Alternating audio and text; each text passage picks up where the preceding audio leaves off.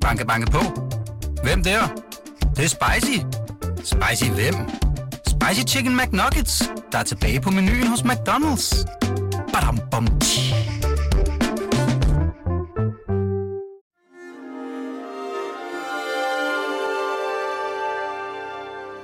Du lytter til Weekendavisens hjemmeskole.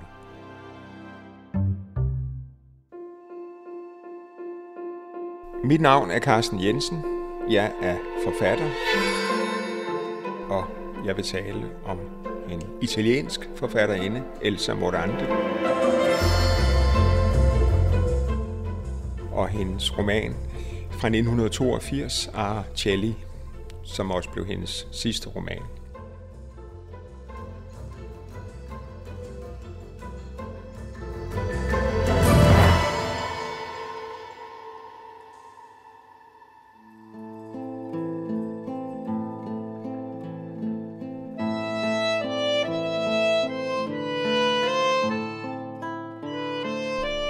Jeg havde, fik engang en, en vild idé, som jeg aldrig har ført ud i livet, at jeg ville skrive en bog, der hed Håndbog for uelskede. Og øh, der ville jeg anbefale at læse Arcelli, fordi på en mærkelig måde, midt i al fortvivlelsen og pessimismen, så er der altså et eller andet sted en, et lys, en flamme, der nægter at dø. Jeg lærte Elsa Morante at kende tilbage i 70'erne. Hun debuterede i slutningen af 1940'erne med en roman, der hed Løgn og Trolddom, som var sådan en stor, realistisk, vidtspændende, vidtfavnende roman øh, om det italienske samfund. Og så skrev hun med lange mellemrum store romaner, øh, Arturos Ø, først i 50'erne, og så gik der virkelig længe, før hun kom med en ny roman. Det gjorde hun så i 1977, Historien, som blev en meget omstridt roman i Italien, og senere gik hele verden rundt og stadigvæk genoptrykkes i dag og selv solgte i millionoplag, men som den italienske kritik uretfærdigt var noget skeptisk over, fordi hun ligesom skrev på tværs af alle modestrømninger. Øhm, og hvis man skal øh, forstå den roman, jeg vil tale om, hendes sidste, Arcelli, skal man kigge lidt på de forudgående, øh, den forudgående produktion.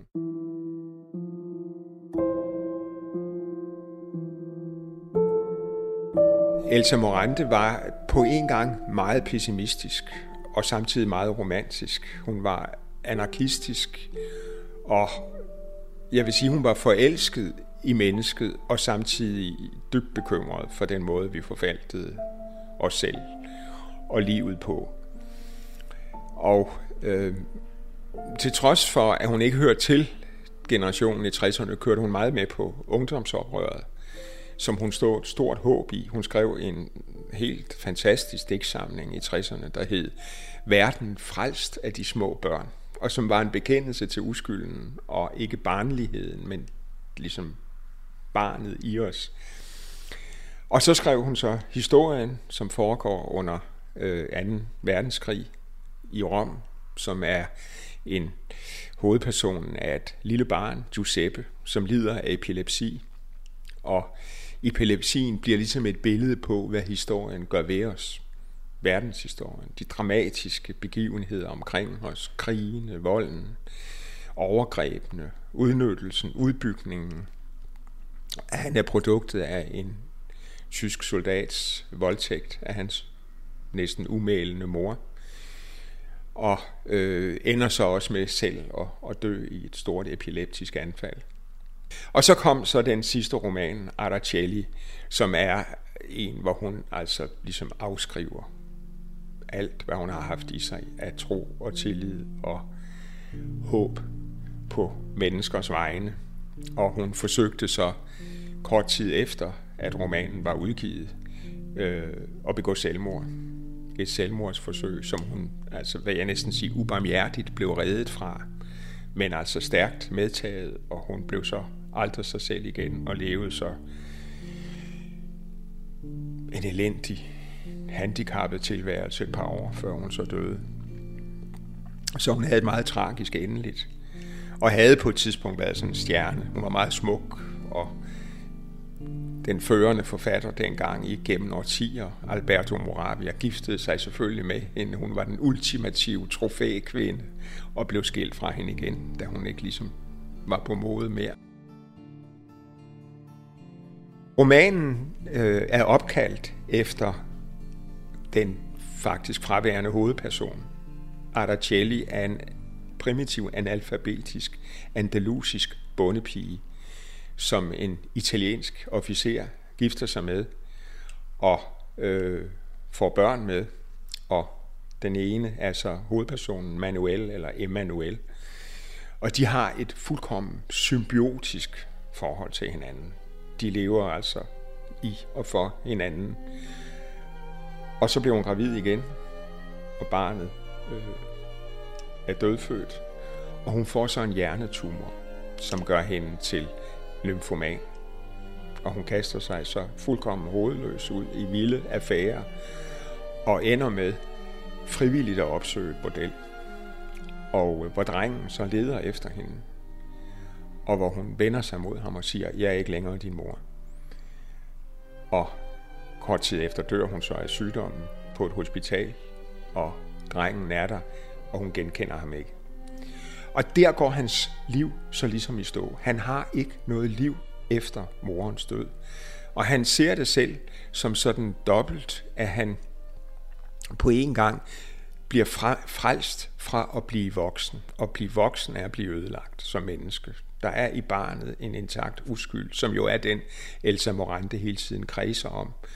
Øh, og samtidig lever han jo videre. Vi møder ham som 43-årig, hvor han er narkoman, homoseksuel, dybt ensom, og har nogle øh, frygtelige masturbationsfantasier, hvor han drømmer om at blive myrdet.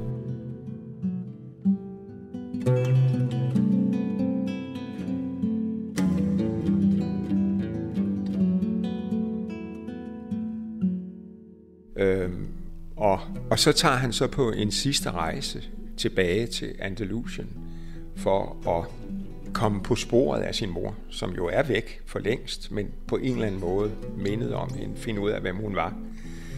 Og, øh, og det, der er ikke nogen forløsning i det.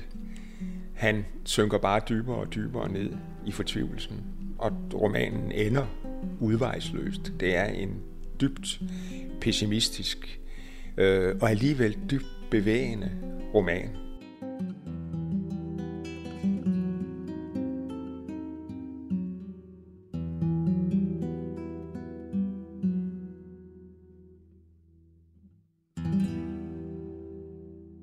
Det, der er så øh, gribende ved romanen, er jo hans enorme, uforløste længsel efter kærlighed. At på et tidspunkt siger han, at den virkelige forbandelse, vi fik, da vi forlod, blev smidt ud af paradisets have af Gud, det var, at han sagde til os, hele jeres liv skal I længes efter kærtegn. Og der er sådan en kærlighedslængsel i den, som er det, der egentlig bærer den igennem, som, som et eller andet sted er så uforfalsket og uspoleret og jo også næsten selvdestruktiv. Der er så et øjeblik, hvor han er jo bliver sådan set nærmest forældreløs, fordi hans far, den starter også under 2. verdenskrig, og hans far, det, som er flådeofficer, deserterer og lever så på flugt, og sønnen møder ham en sidste gang, hvor han er udmagret, døende, også han, narkoman, og der bliver ikke vekslet noget ord imellem dem. Og han tænker altid senere, hvis bare faren havde sagt, jeg elsker dig, så havde hans liv været reddet. Men faren siger ikke noget.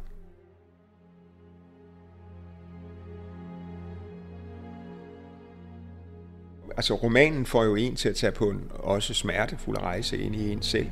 Men jeg tror også, at den får en til at aflæse andre mennesker bedre. Altså at, at hvor ofte er vi ikke sammen med mennesker, som, hvor vi bagefter tænker, hvis bare nogen havde holdt om dig i et afgørende øjeblik. Og det var der ingen, der gjorde. Ikke fordi, måske var du for ensom, måske var de bare netop ikke opmærksomme nok så ikke, at det var det, du havde brug for. Og det kan jo nogle gange være helt ordløst. Øhm, og det er det jo så tydeligt for hovedpersonen, at, at da mor er væk, så er livet slut. Og øh, det vil enhver psykolog jo altså. Der tændes alle de røde lamper. Det dur jo ikke. Vi skal jo videre, og det skal vi jo også. Og hun har så haft, Elsa Morante, den meget radikale tanke, umulige tanke, som på en måde også gør livet umuligt, at vi skal ikke videre. Og den passage, jeg vil læse, det er sådan set ikke en af de forsonende passager. Det er en, faktisk en meget bitter passage, som netop handler om, hvor desperate vi er efter at blive elsket, og hvor langt vi vil gå for at blive det. En hvilken som helst skabning på denne jord byder sig til. Patetisk og naivt melder den sig. Værsgo, her har I mig. Ja til. Med dette ansigt, denne krop, denne lugt. Kan I lide mig? Vil I have mig? Fra Napoleon til Lenin og Stalin til den usløste gadetøs, det mongolide barn, Greta Garbo, Picasso, den herreløse hund, er dette i virkeligheden det ene evigt gentagende spørgsmål. Et levende væsen stiller andre levende væsener. Synes jeg, jeg er køn? Jeg, som hun fandt den kønneste i verden for så at kaste sig ud i en demonstration af sine personlige fortrin. Heraf, hvor desperate glimrer lyst, baggrunden for filmstarletternes publicity påhit, generalissimusernes fremfusen, magtkoncentrationerne, finansfyrsterne, kamikazepiloterne, bjergbestigerne, linedanserne, såvel som alle nåede mål, alle rekorder. For hende var jeg nummer et i verden. Moderløse og aldrig vendet fra. Alle levende skabninger byder vi os til som gadens lette garde på det mindste tegn på kærlighed fra en anden. En krone eller titel, et bifald, en forbandelse, en almisse eller en skærv for et knald. Du betaler mig og godtager altså min krop. Du dræber mig og bringer altså dig selv i ulykke for min skyld. Selv herreløse dyr søger frem for føde kærtegn. Også de er nemlig som små blevet forkælet af deres mor, der slikkede dem i hoved og hale dag og nat, og hvis patter og tunge aldrig spurgte til kvalifikationer. Det var ikke nødvendigt at gøre sig til for at tækkes hende. Og så slutter denne her passage.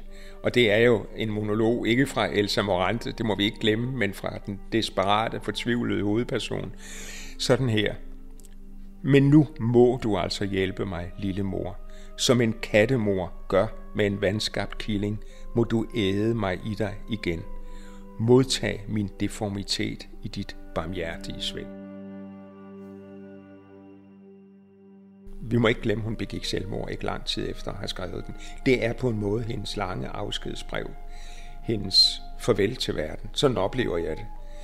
Øhm, den handler om hendes egen smerte. Altså det er faktisk meget nemt sådan at tage afstand fra den og sige, det er for meget, det er for langt ude. Sådan nogle krav kan man jo ikke stille til livet. Tag dig nu sammen, mand.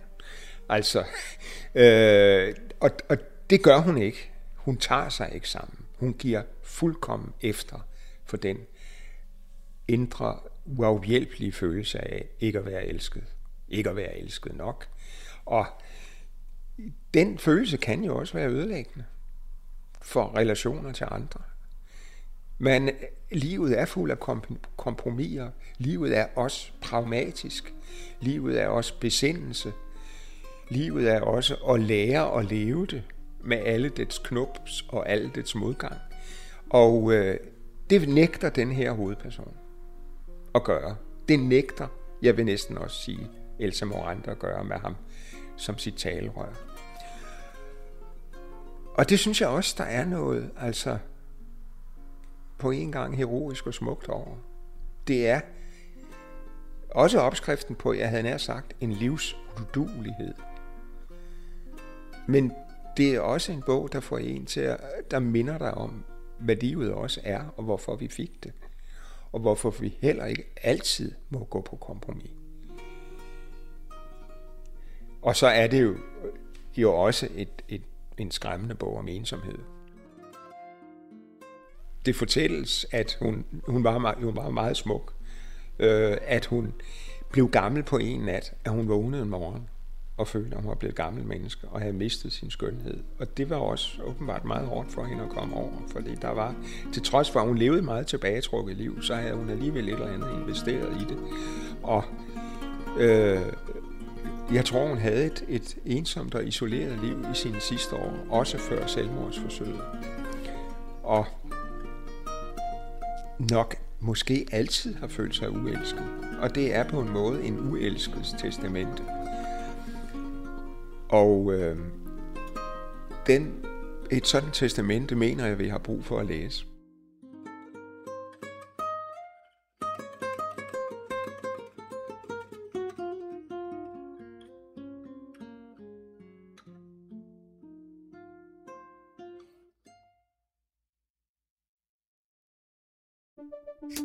Banke, banke på. Hvem der? Det, det er spicy. Spicy hvem? Spicy Chicken McNuggets, der er tilbage på menuen hos McDonald's. Badum, bom, tji.